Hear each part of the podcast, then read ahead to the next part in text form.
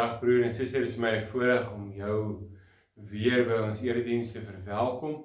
Mag jy daar waar jy ook by in by hierdie erediens inskakel ook op 'n besondere manier die teenwoordigheid van ons Here beleef. Ons gaan vandag saam lees in 2 Kronieke hoofstuk 15. Voordat ons daaruit lees, kom ons bid saam. Here, dankie Here dat ons in hierdie oomblik kan stil word dat ons Here kan bely dat U heilig, heilig, heilig is en dat in U alle mag behoort.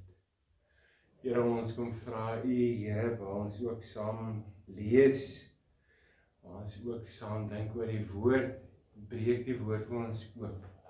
Ons vra dit Here in U naam. Amen. Wil ek het ons lees in 1 Kronieke hoofstuk 15 voordat ons begin so 'n bietjie agtergrond van waar ons wegtrek. Die boek Kronieke is min of meer geskryf in 230 tot 250 voor Christus. En hierdie boek is geskryf in 'n tyd toe veral die die die Griekse regering of die die die die impak van die Griekse owerheid al hoe meer 'n invloed begin ha gehad het op Israel. Daar was selfs 'n tyd wat hulle so bietjie begin afsien net van hulle kultuur en ook een van die groot goed wat gebeur het is dat hulle al hoe meer gevorder het as Israel om weg te beweeg van die tradisionele um Joodse geloof van hulle eie identiteit eintlik. So sien ons kronieke wat geskryf is in 'n tyd en deur 'n skrywer om te sê maar wie is hierdie volk? Hulle moes weer besef dat hulle God se eiendom is, dat hulle deur God uitgekies is, dat hulle eintlik weer herinner moet word dat God hulle as as volk 'n verbondsvolk gemaak het, dat hulle 'n verbondsvolk is van God.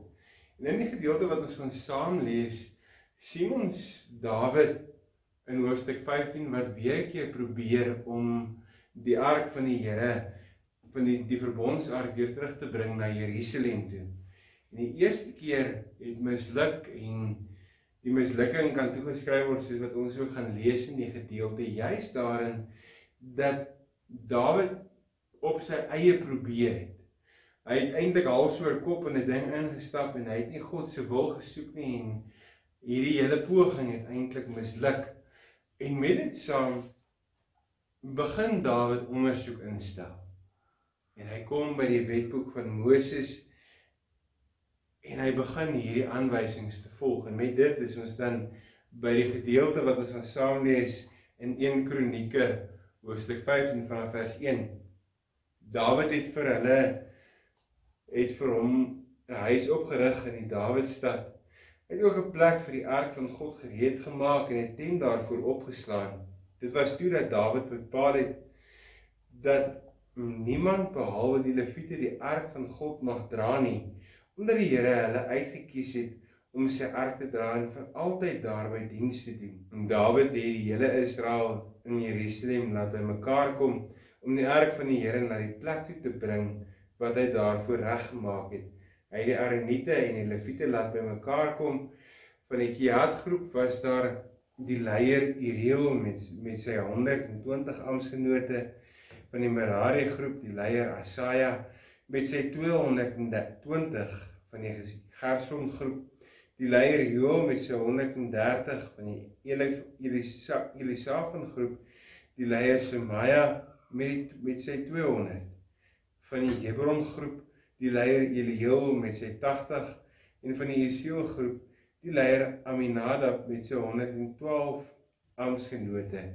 Toe het Dawid die priester Sadok en Abiatar en die Lewiete Uriel, Asaja, Joel, Semaia, Eliel, Aminadab geroep en vir hulle gesê: "Julle is die familiehoofde van die Lewiete.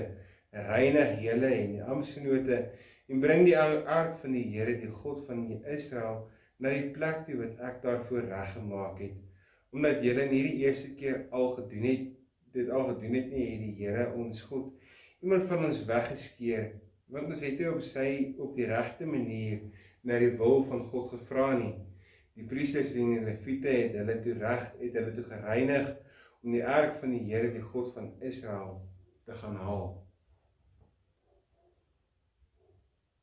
Soms kom ek en jy by die vraag oor ons lewe en oor oor 'n situasie. Maar sou ons dit anders doen? En in hierdie gedeelte is dit juist die vraag wat Dawid vra. Hoe kan ek dit anders te doen? As ons dink oor ons eie lewe, as ons dink oor as ons terugkyk op ons eie lewe en ons kom by daai vraag is baie keer vra ons maar hoe sou ons dit anders te doen? Sou ons dit anders te gedoen het as ons 'n keuse gehad het? As ons weer voor daai keuse gestel word? En baie keer antwoord ons ja, baie keer antwoord ons maar as ek maar net geluister het, baie keer antwoord ons maar ek dink tog ek het dit reg gedoen. So kom ons ook in ons geestelike lewe ook by hierdie vraag waar ons vra maar as ons dink oor ons geestelike lewe sou jy en ek van die goed anders te doen? Sou ons ons geestelike lewe anders wou hê? Sou ons iets anders wou bereik? Sou ek en jy anders opgetree het? Hoe sou ons anders opgetree het?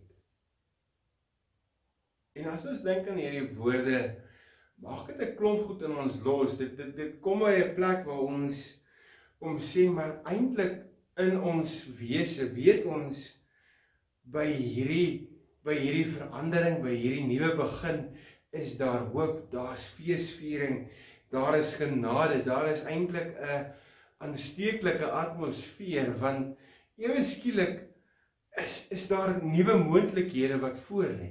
'n nuwe verhouding, 'n dieper verhouding met God. En tydens koninkrykstyd is dit juis hierdie ontmoeting, juis hierdie by implikasie Christus se heilswerk wat tot stand gebring word. En in hierdie koninkrykstyd vier ons juis dat Jesus Christus in sy lewe ook in ons lewe 'n verskil kom maak. Ons het 'n nuwe koers, 'n nuwe lewe deur die Gees wat in ons werk. En so ook kom ons by hierdie gedeelte wat ons saam gelees het en ons sien vir Dawid wat op 'n plek is waar hy 'n belewenis het van God se sorg, van God se bemoediging. En uiteindelik wil Dawid die ark van die Here terugbring Jerusalem toe. Hy wil die die die die tog die reis van die ark na Jerusalem voltooi. Maar die keer, eers nadat hy hals oor kop in 'n ding ingeloop het, nadat hy navorsing gedoen het, kom hy by 'n punt en hy sê maar die antwoord lê by die Here. Dit lei daartoe dat Dawid heel weer herbevestig dat hy weer kom sê maar dit is hoe God dit wil hê, dit is hoe dit in die verlede gewerk het en dit is hoe ons dit nou ook in hierdie oomblik moet aanpak. En hy kom en hy sê vir die volk maar God is 'n God wat almagtig is. God is 'n God wat wat eintlik by uitstek by wie ek en jy ons leiding moet vra.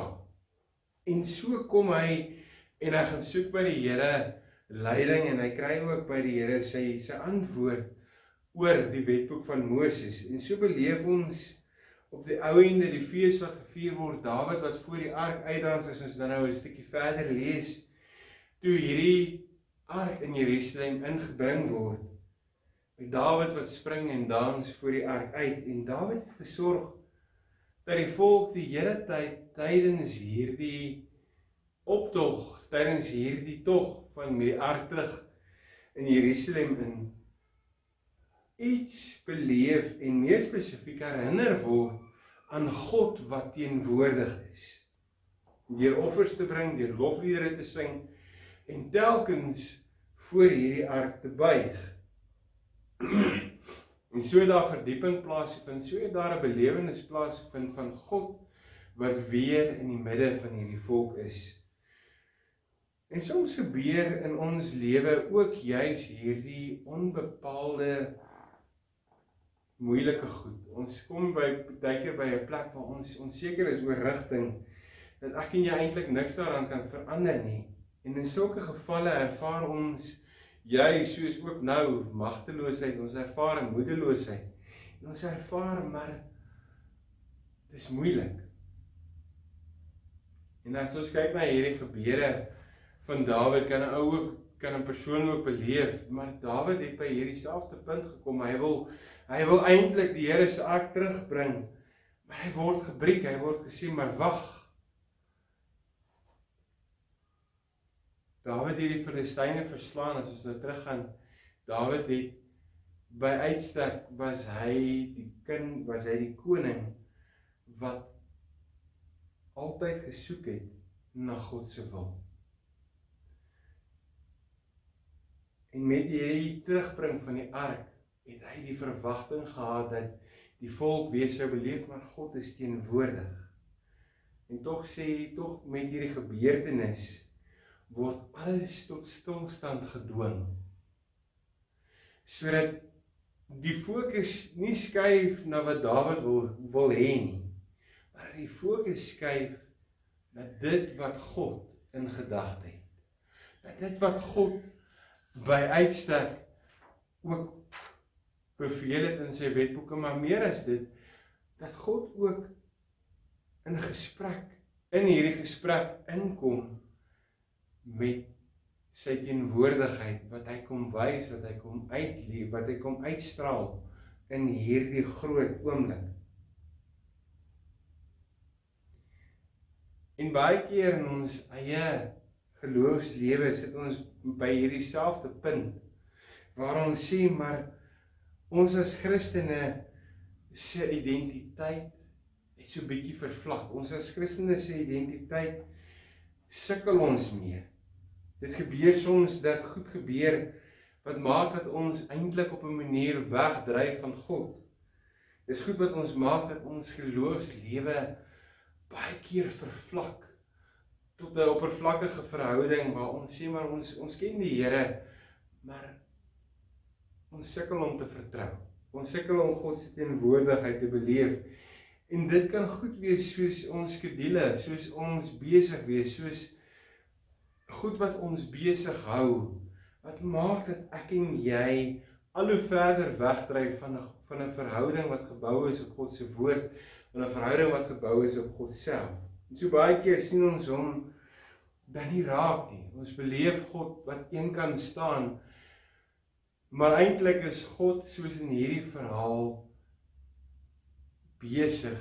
Eintlik is God soos in hierdie verhaal wat ons saam gelees het by uitstek teenwoordig. So lees ons juis die ommekeer in vers 13 waar Dawid kom skryf en of kom sê maar omdat julle nie die eerste keer al gedoen het nie, het die Here ons God iemand van ons weggeskeer want ons het nie op die regte manier na die wil van God gevra nie.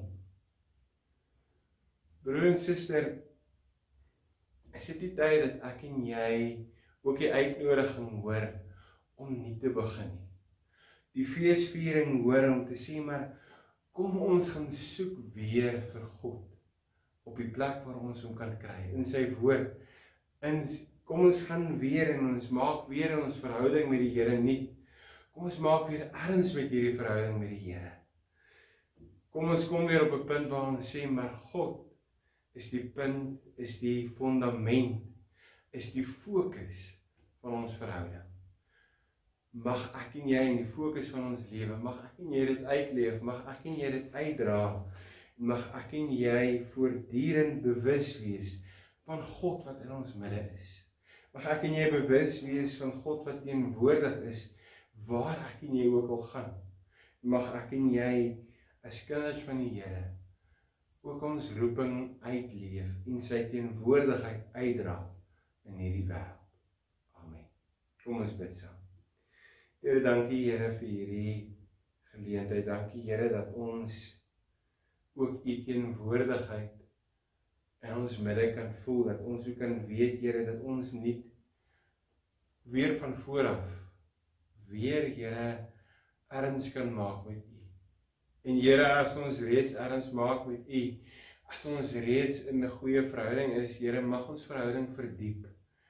Mag ons al hoe meer bewus wees van U grootheid en van U genade en van u liefde. Mag ons dit uitdra in hierdie wêreld. Amen.